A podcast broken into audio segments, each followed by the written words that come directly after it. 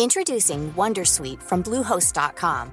Website creation is hard, but now with Bluehost, you can answer a few simple questions about your business and get a unique WordPress website or store right away. From there, you can customize your design, colors, and content. And Bluehost automatically helps you get found in search engines like Google and Bing. From step-by-step guidance to suggested plugins, Bluehost makes WordPress wonderful for everyone. Go to bluehost.com/wondersuite.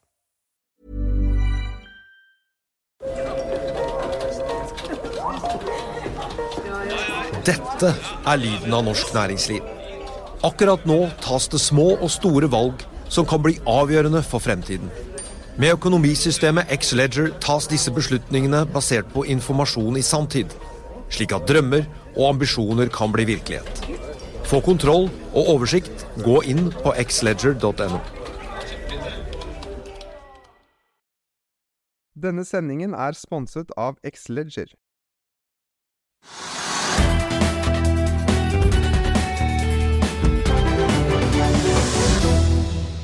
Velkommen til Økonominyhetene tirsdag 11. januar. Etter et fall på 1,47 i går, så er vi i dag opp eh, 0,76% på hovedindeksen. Og etter en eh, blandet slutt på Wall Street i går, så er det også grønt oss rundt i Europa i dag. Futuresene på Wall Street de peker også mot en oppgang når de amerikanske børsene åpner om en times tid. Vi skal i dagens sending se nærmere på kursfallet i seismikkselskapet PGS. Vi skal også få teknisk analyse av spill- og læringsselskapet Kahoot.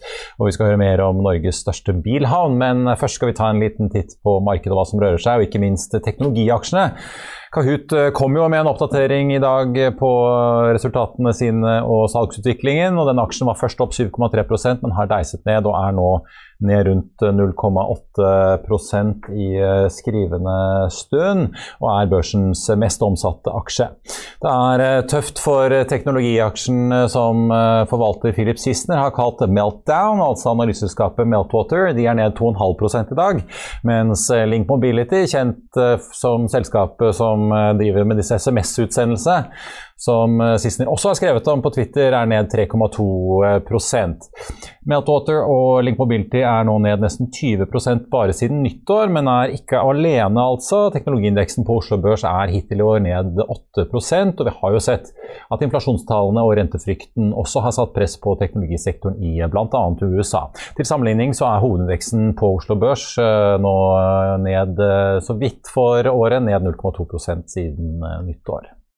Sagaen og kampen mellom Jens Stoltenberg og Ida Wolden Bakke om å bli ny sjef i Norges Bank har tatt en ny vending i dag. Den nye sentralbanksjefen blir nemlig ikke utnevnt førstkommende fredag, som tidligere ventet. Det opplyser Finansdepartementet til Aftenposten i dag. Øystein Olsen vil jo gå av fordi han er blitt 70 år i år. Og i dag kom også habilitetsvurderingen fra Justisdepartementets lovavdeling. Den konkluderer med at Jens Stoltenberg ikke er inhabil til å behandle aktuelle saker som sentralbanksjef, ifølge det lovavdelingen. Men citat, det kan ikke utelukkes at det vil foreligge særegne forhold som er egnet til å svekke tilliten til Stoltenbergs upartiskhet i konkrete saker, slik at han vil være inhabil etter forvaltningsloven. Sitat slutt. Så sagaen den fortsetter altså. Rederiet 2020 Bulkers er opp 4,1 i dag etter en melding om et månedsutbytte på 0,36 dollar aksjen. Det er opp en cent fra november. Utbyttet tilsvarer totalt 3,18 kroner med dagens kurs, eller 38 kroner og 16 øre på årsbasis hvis man ganger det opp. Og aksjekursen til selskapet er til sammenligning 114 50 i dag etter oppgangen. Og mens Baltic Cape Size-indeksen har økt fra 30.716 til 31 500 dollar fra november til desember, så ligger 2020 Bulkers time charter-inntekter stabilt tilsvarende 48.700 dollar dagen brutto. Nordic Mining har sikret den første finansieringen til Engebø-prosjektet sitt og tar sikte på å fullføre finansieringen i løpet av første halvdel av året. Tirsdag ettermiddag ligger aksjen med 1,8% til 3,90.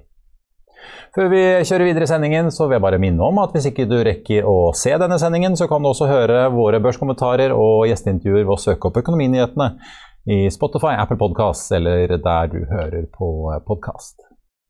Vi skal straks eh, se nærmere på trafikktallene til SAS, men først må vi innom en av de store taperne i dag, altså, nemlig seismikkselskapet PGS. Aksjen er ned hele 15 bare i dag, og de siste tolv månedene er eh, aksjen ned eh, med 28% Dagens fall kommer etter en oppdatering med nøkkeltall for fjerde kvartal, og vi tok en prat like før sending med en som følger selskapet tett, for å høre mer om hva som nå skjer.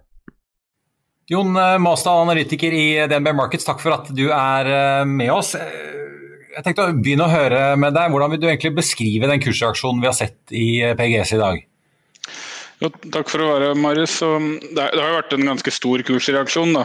Nå har en jo blitt litt vant til det på seismikk, at det er store kursreaksjoner rundt kvartalene. Men, men, men ned såpass mye var nok uh, i overkant av hva vi hadde forventa, men det må jo ses i sammenheng med hvor vi kommer fra. Da. Uh, nå har jo PGS-aksjen hatt en, en, relativt bra oppgang fra midten av desember til, um, til starten av januar. Uh, så når, når en ser det opp, opp mot hverandre, så, så, kanskje det var um, litt, litt høye forventninger inn mot um, oppdateringen her. Ja, la oss liksom se litt på hva de, de faktisk har uh, meldt om i denne kvartalsoppdateringen som kommer i forkant av selve kvartalsrapporten. De snakker om at de har en, uh, det de kaller en segmentomsetning på 174 millioner dollar. Det er jo omtrent uendret fra samme kvartal året før. totalomsetning på 209, nei, 210 millioner dollar. Var det sånn at markedet her hadde forventet at de skulle kunne vise til vekst, eller siden aksjen er ned såpass mye?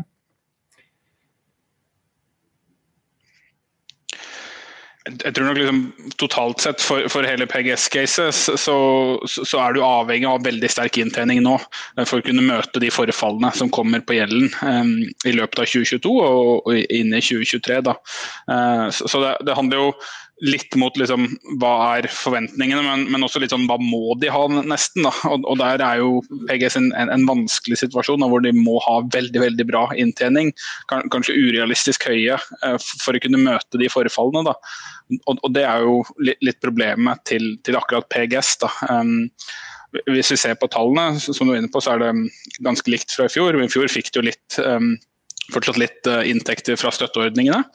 Uh, eller um, altså 2021 over 2020. Da. I 2020 så fikk de fortsatt noe på støtteordningene.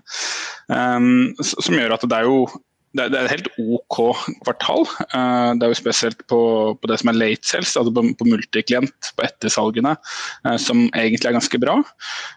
og så er det på, på tidligsalgene på multiklient, altså på prosjekter de, de gjør nå, så er det relativt dårlig. Eh, der, sånn det ser ut, så ser det helt greit ut, men miksen eh, på, på, på, det de gjør i kvartalet, burde tilsvart at de burde hatt mye bedre. Det er spesielt at de har lite investeringer.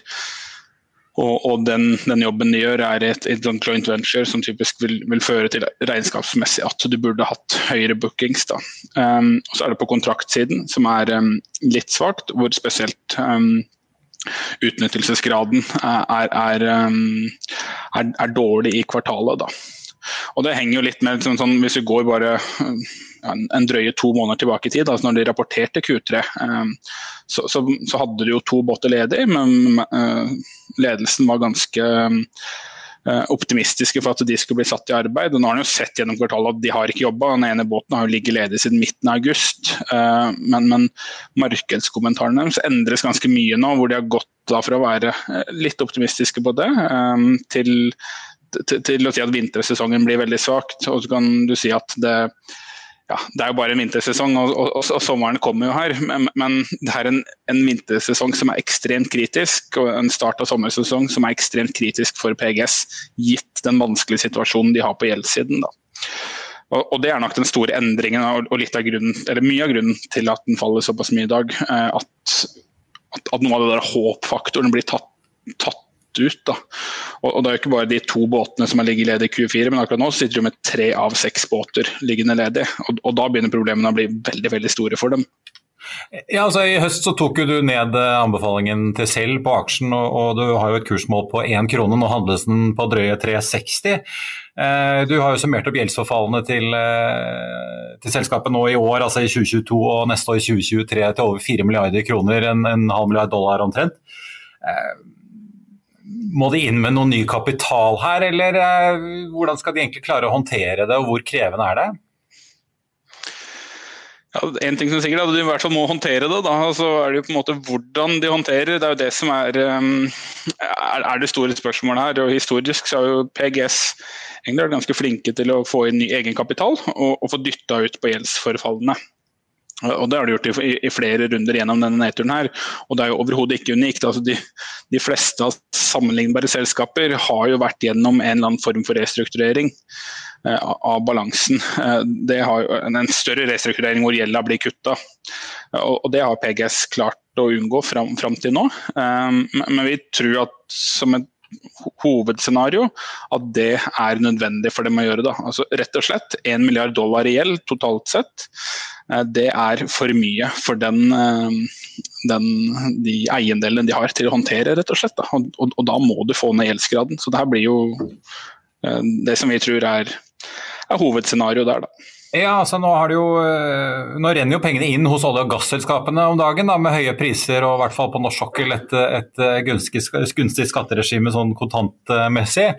Eh, men drypper det ned på TGS og de andre aktørene i bransjen? altså Resulterer det i at oljeselskapene snur seg rundt og faktisk øker eh, letebudsjettene sine, eller ser vi ikke det? Foreløpig så har det jo egentlig kommet ganske lite til gode, spesielt på leting. og Det er, det er kanskje de største strukturelle endringene her. Da. Så er det jo viktig å på en måte se det litt i sammenheng. Altså, hvorfor er oljeprisen høy? Det er jo fordi det har vært investert lite, og fordi det blir investert lite, så er det lite inntjening til serviceselskapene. Uh, og, det, det, henger jo litt sammen, det her. da. Um, men, men, det er kanskje spesielt på leting som er truffet så hardt. Og du får huske på at leting, veldig mange typisk ofte det vi diskuterer med investor, at det er tidlig i sykelen. Men det, det, som er at leting handler veldig mye om hva du skal produsere ti år ut i tid. Og det er, et, det er en investeringsbeslutning som oljeselskapene er veldig redde for å ta nå. Da. Altså, hva, hva olje, posisjon, olje, og gass sin posisjon i, i 2032? Der er det nok det synet de har tatt, at det er heller bedre å vente litt um, enn å ta den den investeringsbeslutningen nå. Da. Og, og, kanskje heller fokusere litt mer på kortsyklisk. Um, ja. Ja, Nei, vi, får, eh, vi, får, se om eh, inkluderingen av naturgass i EUs taksonomi, som det nå ser ut til å bli, kanskje gir litt drahjelp, uh, på den fronten. Og så får vi jo følge med om det da kommer en restrukturering eller ikke. Vi skal i hvert fall følge med. Tusen takk for at du var med oss, Jon Masdal i DNB Markets.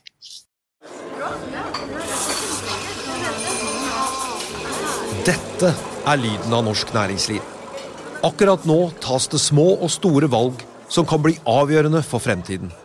Med økonomisystemet X-Leger tas disse beslutningene basert på informasjon i samtid, slik at drømmer og ambisjoner kan bli virkelighet.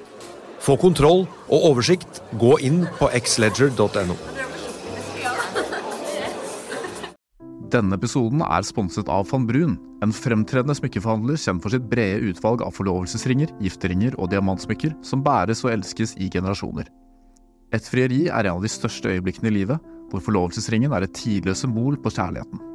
Valg av ring krever omtanke for både hvilket metall og diamant, med et bredt spekter av både naturlige og labdyrkede diamanter, og metaller som platina, gult gull, hvitt gull og roségull, hjelper de deg med å sette et personlig preg på din kjærlighetshistorie.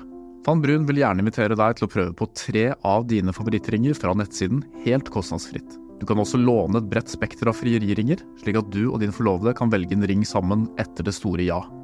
Van Brun tilbyr 90 dagers åpent kjøp og 90 dagers gratis størrelsesjustering. Utforsk deres eksklusive sortiment i luksuriøse omgivelser. Bok en konsultasjon sammen med en diamantekspert i deres showroom i Oslo. Eller online på vanbrun.com. V-a-n-b-r-u-u-n.com. Og PGS-aksjen har eh, mistet enda litt mer fart utover dagen og er nå ned 17% Jeg kom til skade for å si at det var Kahoot som var den mest omsatte aksjen tidligere i sendingen. Det er det ikke, og for nå skal vi nemlig til den mest omsatte aksjen. Eh, og apropos oljenæringen, så skal vi snakke litt om Equinor, for de har i dag sendt ut invitasjon til analytikerne som følger selskapet om å sende inn sine estimater for fjerde kvartal. I denne innkallingen så opplyser Equinor om at det tapet på gasshandel de varslet om i høst, ser ut til å ende på mellom 1,4 og 1,5 milliarder dollar i fjerde kvartal, altså rundt 13 milliarder kroner. Eh, det vil også for øvrig bli et tap i første kvartal. Disse tapene kommer etter store urealiserte gevinster som ble bokført i tredje kvartal. og Alle disse plussene og minusene skyldes forskjellen mellom eh, hvordan man bokfører fysisk og derivathandel på gass. For eh, når det nå selges gass på de langsiktige kontraktene Equinor har inngått, så tar man også et tap når spotprisene er så høye som de er. Vi får også ta med at Equinor omtaler sin fornybarvirksomhet, og hvordan den ikke får ta del i de kjempeinntektene som f.eks. Statkraft og andre kraftprodusenter kan glede seg over med de høye strømprisene som er om dagen. Equinor skriver nemlig at fornybarvirksomheten deres har citat, begrenset eksponering mot eh, de flytende prisene i markedet. Det skyldes at Equinor inngår langsiktige kontrakter på eh, bl.a. av vindmølleprosjektene sine. Equinor-aksjen er ned en snau prosent eh, hittil i dag. Vi skal også ta med litt eh, makrotall, for tidligere har vi jo hørt at prisveksten i USA er den høyeste på over 30 år. Og i går overrasket jo SSB med en solid oppgang i den norske kjerneinflasjonen. Nå kom det frem at vi i november økte inflasjonen i OECD-området til 5,8% Det er den høyeste inflasjonen Eh, man har sett på 25 år, ifølge OECD. Gjennomsnittet er i stor grad løftet av USA, hvor inflasjonen steg eh, fra 6,2 til 6,8% i desember. Men økningen er likevel bred. Selv eurosonen, som har vært nesten inflasjonsfri i årevis, nådde en inflasjon på 4,9% nå på tampen av fjoråret. Og det er jo da energiprisene som i all hovedsak driver opp prisveksten.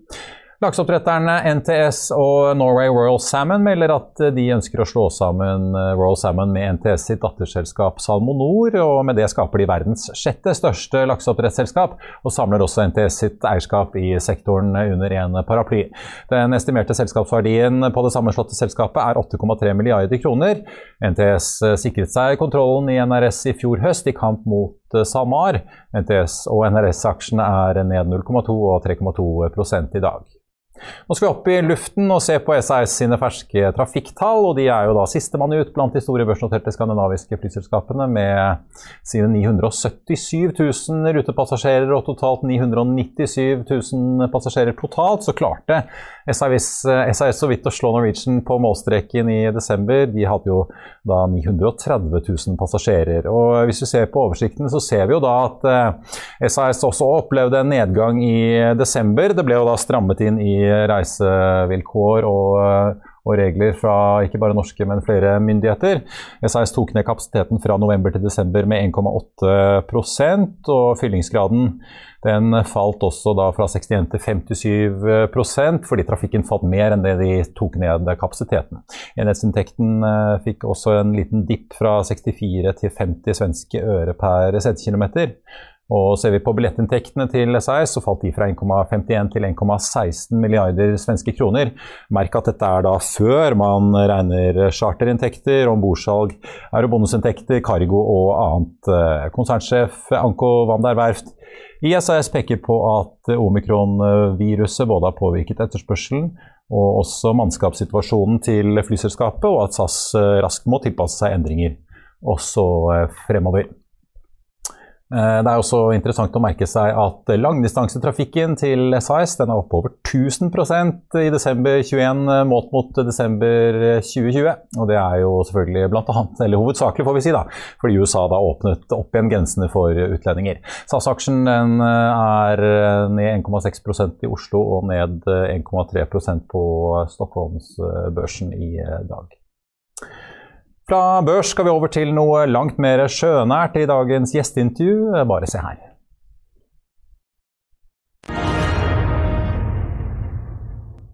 har kjøpt eh, ny bil her i landet, så har du sannsynligvis vært Eh, kunde av mine to eh, gjester på en litt indirekte måte. Og nei, jeg snakker ikke om en bilforhandler eller importør, men om et stort stykke norsk infrastruktur, nemlig havnene. Men hvordan tenker man egentlig som havneeier i dag, i en verden der bilene skal bli elektriske og stadig smartere? Mange vil bygge opp ny industri med vindmøller til havs, og handlemønstrene våre endrer seg. Og ikke minst det der eh, byarealet som disse havnene ligger i, kanskje blir mer og mer ettertraktet i byutviklingens navn. Velkommen til oss, Einar Olsen, havnedirektør i Drammen havn, og styreleder Ann-Kristin Andersen. Tusen takk for at du fikk komme hit. Hjertelig. Eh, kanskje vi skal begynne med en liten sånn fot i bakken, Ann-Kristin. Eh, du leder jo et ganske nytt styre. Absolutt. Det hele, hele Røkla si. Hva, hva, hva, er det som egentlig har skjedd i, i, Drammen? Ja, jeg vil ikke si at det forrige styret gjorde en dårlig jobb, men det var uh, sånn at vi har jo kommunale eiere. Og da er eierfilosofien den at man skal ha et profesjonelt forretningsmessig styre. Og det har kommet en ny havnelov som gjør at man kan drive havnevirksomheten på en mer forretningsmessig måte.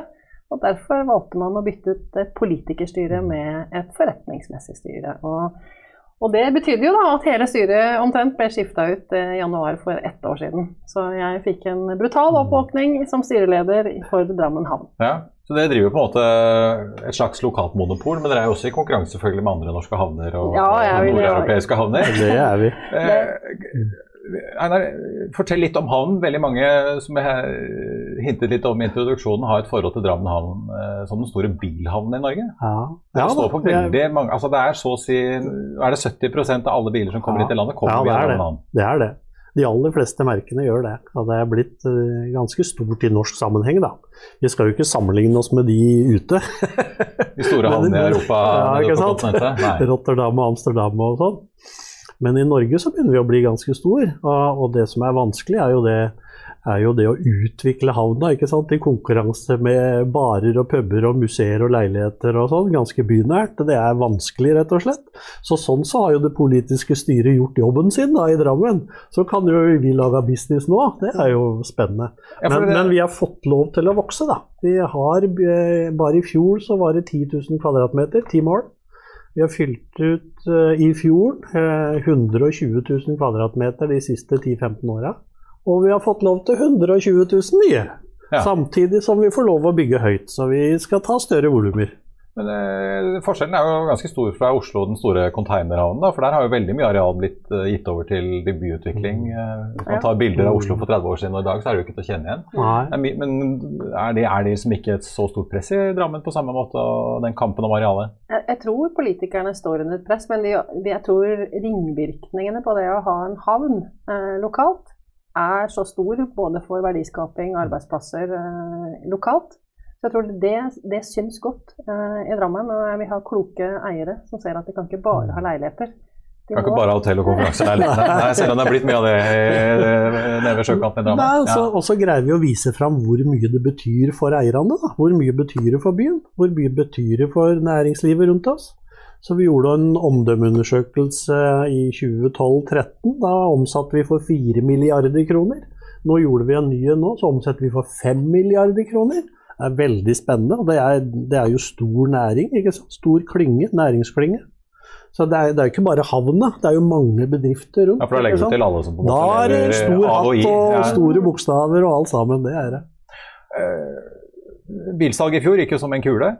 Uh, og dere har kanskje satt uh, ny rekord. Det så dere hadde en rekord i 2017 på 111 000 biler. Ja, det er riktig. Nå da...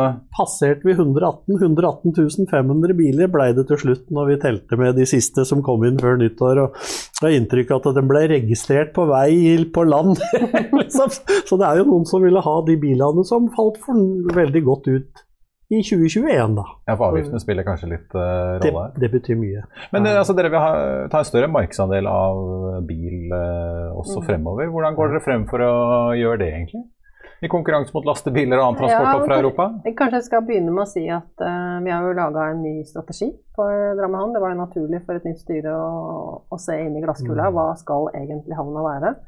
Og da har vi valgt en visjon for havna om å være pulsåra for norsk bilimport og næringslivet i regionen. Og i det så ligger det at vi ønsker å forberede havna for å kunne ta, om ikke all, så i hvert fall 90% av alle biler som kommer inn til Norge. Det er ingen grunn til mm. at, uh, at ikke alle biler som skal inn til Norge, kommer via Drammen. Uh, vi har en intermodal havn rett ifra sjøen og til bane, hvor vi har fem jernbanespor helt ut til kaikanten, så vi kan forsyne hele Norge med biler. Og så er det jo blitt et veldig attraktivt sted for å hente sin egen bil også. Ja.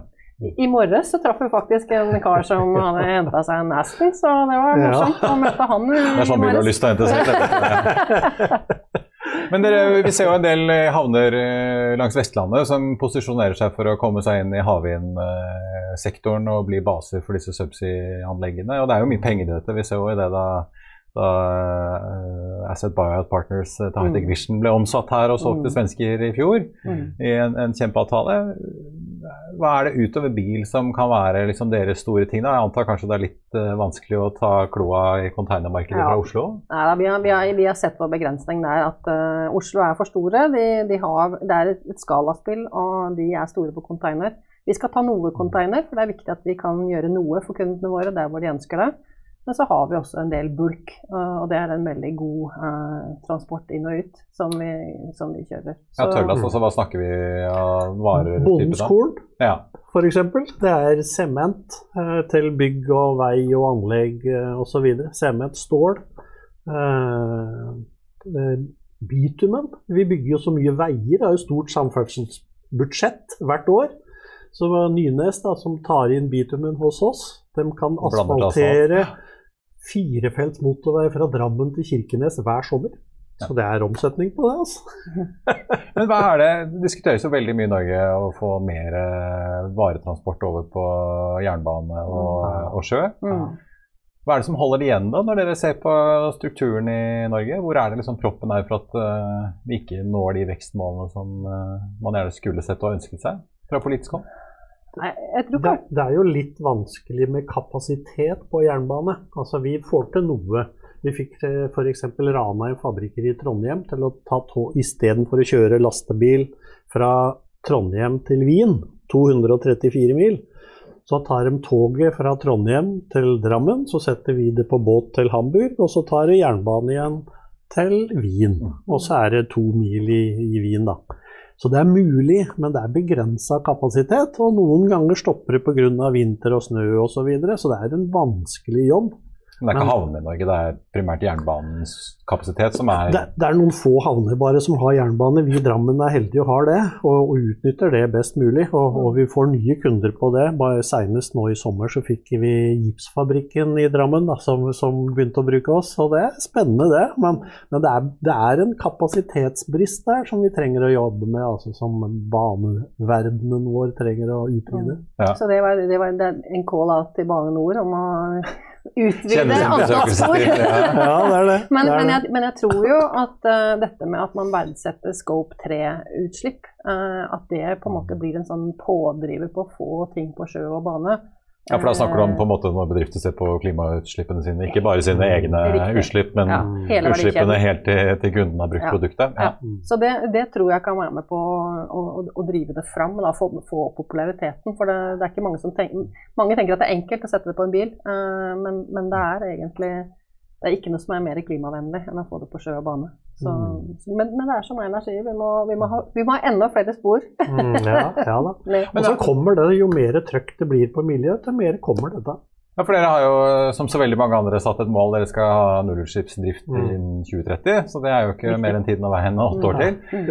Eh, men er på en måte kan dere regne det hjem, eller er det som du sier at uh, kundene deres eller kundene til kundene deres som begynner å, å presse på for å, å, å, måle og få ned utslipp utover i logistikkjedene sine? Jeg tror de første, første, tingene du gjør, regner du ikke hjem. Så du er nødt til å ha volum på det. Så jeg tror, jeg tror mm. dette driver på ESG-trykket som ligger på bedriften, at alle ønsker å ha klimamålene på en måte helt, eh, helt i panna det tror jeg vil være med på å få opp nok volum på det, sånn at du kan få ned prisen på tjenestene. Men er det komplisert for dere, liksom? Er det Nei, altså vi, vi, har jo allerede i dag eh, anledning til at uh, fartøyene kan lade hos oss, og vi kommer til å ha grønn fuel for, uh, for de skipa som legger til hos oss. Uh, men det er klart de første pumpene er dyre, hvis ikke du får opp mm. volumet.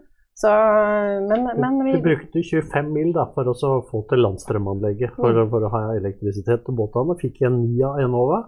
Og båtene bruker jo nesten ikke ennå. De er ikke klare. Så Nei. vi bare pusher og pusher, og vareeieren osv. Så, videre. så det, det kommer. Men, men, det er ikke penger i det til å begynne med. Det er ikke det. Nei. Du Einar, du skal gå av med pensjon etter ja. hva er det, 25 år i tjeneste ja, nå til våren. Ja, det er det. Hvordan blir det? Ja, det blir aktivt det å tenke. jeg prøver liksom også å trappe ned litt, men, men jeg vet ikke, jeg er en sånn aktiv type, så det blir vel mye moro allikevel. Men så har jeg noen døtre da, som sier du, du kan jo bli pensjonist, pappa. Ja. Du blir kanskje å se næringslivet og alt som skjer der i Drammen videre òg? Ja, Ja. jeg blir sikkert med på noe styreverv sånn. Hvordan, Kristin, du er jo da på jakt etter ny sjef òg. Absolutt. Hva slags type håper- person er det du ser etter? eh, Litt apropos det dere ønsker å få til. Er det, Ja, det må jo ønsker du å få inn noen fra utsiden, eller ønsker du noen som har jobbet i, havn og, vet hvordan dette fungerer på bakken? Nei, jeg tror vi kan være åpne for begge deler. Vi har lagt en veldig ambisiøs strategi for havna, så vi har brukt en del tid på det. Vi har tappa all kunnskapen i hodet til Einar inn i en eh, god, god strategi for framtida. Og vi har fått eh, med oss eh, eierne våre, Drammen, til å legge en langsiktig leieavtale helt fram til 21.01. Så her er det langsiktighet. Så det er noen som trigges litt av det samfunnsoppdraget, og som ønsker å få et veldig viktig nav da, i, i alt som er forretning. At noen som trig- trigges av det. Eh, og så er jo Drammen en veldig spennende plass. Vi skal være en god nabo, ikke bare til, eh, til våre brukere, men også til eh, byen for øvrig, som sitter og ser ned på havna. Så vi må ta eh, miljøet på alvor. Så nei, jeg, jeg tror at eh, personen som, eh, som går inn dette, ønsker å være viktig for, eh, for norsk næringsliv, og det er du her. Ja. Eh, og kjenne litt på det der samfunnsoppdraget. Så det er veldig spennende og dynamisk bedrift som skal få til mye. Og har fått det mye. Samtidig som det er business oppi det Ikke ikke Ja, for dere skal jo investere tre kvart milliard eh, de neste Ja, ja. årene omtrent? Ja, De neste tre åra så skal vi faktisk, har vi satt opp investeringsprosjekter på 750 millioner, så du må, du må ikke bli skuggredd av store prosjekter. Vi, vi holder på akkurat nå å bygge en fantastisk stor kai på 250 millioner investeringsprosjekt, så vi har penger å investere i, i infrastrukturen. Så, og vi vokser! så Det er er, det er hatt en fjær i hatten.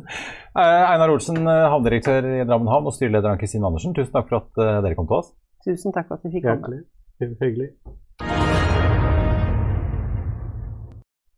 Da skal vi ta en liten oppdatering på situasjonen i markedet. Hovedindeksen på Oslo Børs den er nå opp 0,7 til 1198 poeng.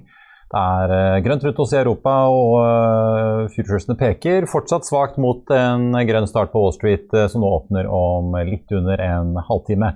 Ser vi på listen over de største utslagene i dag, så er det seismikkselskapet PGS som er fortsatt den store taperen. Aksjen er ned nå nesten 18% etter oppdateringen på fjerde kvartal. Eh, På vinnerlisten så er det PCI Biotech som er eh, den store vinneren med en oppgang på nesten 13 tett etterfulgt av eh, shippingaksjen Wilson. På listen over de mest omsatte aksjene så er det Equinor som leder an med en nedgang på en snau prosent, etterfulgt av Kahoot som er ned 2% og Norsk Hydro som er opp eh, 1% Oljeprisen for et fat nordsjøolje i spotmarkedet ligger nå på 82 dollar og 30 cent, opp 1,6 i Finansavisen i morgen kan du lese mer om strøm, for i lederen sin skriver Trygve Hegnar om priser, havvind, grønn gass og FrPs makspris. Du kan lese om en ny fintech-investering som Storebrand gjør, og du kan lese om skatteetaten som venter en økning i antall konkurser. Det var det vi hadde for i dag, men vi er tilbake i morgen klokken 14.30. I mellomtiden får du som alltid siste nytt på fa.no, inkludert de ferske BNP-tallene som kommer i morgen tidlig klokken åtte, og også oljelagertallene fra USA som kommer 16.30. Mitt navn er Marius Lorentzen, takk for at du så på, og så håper jeg vi ses igjen i morgen.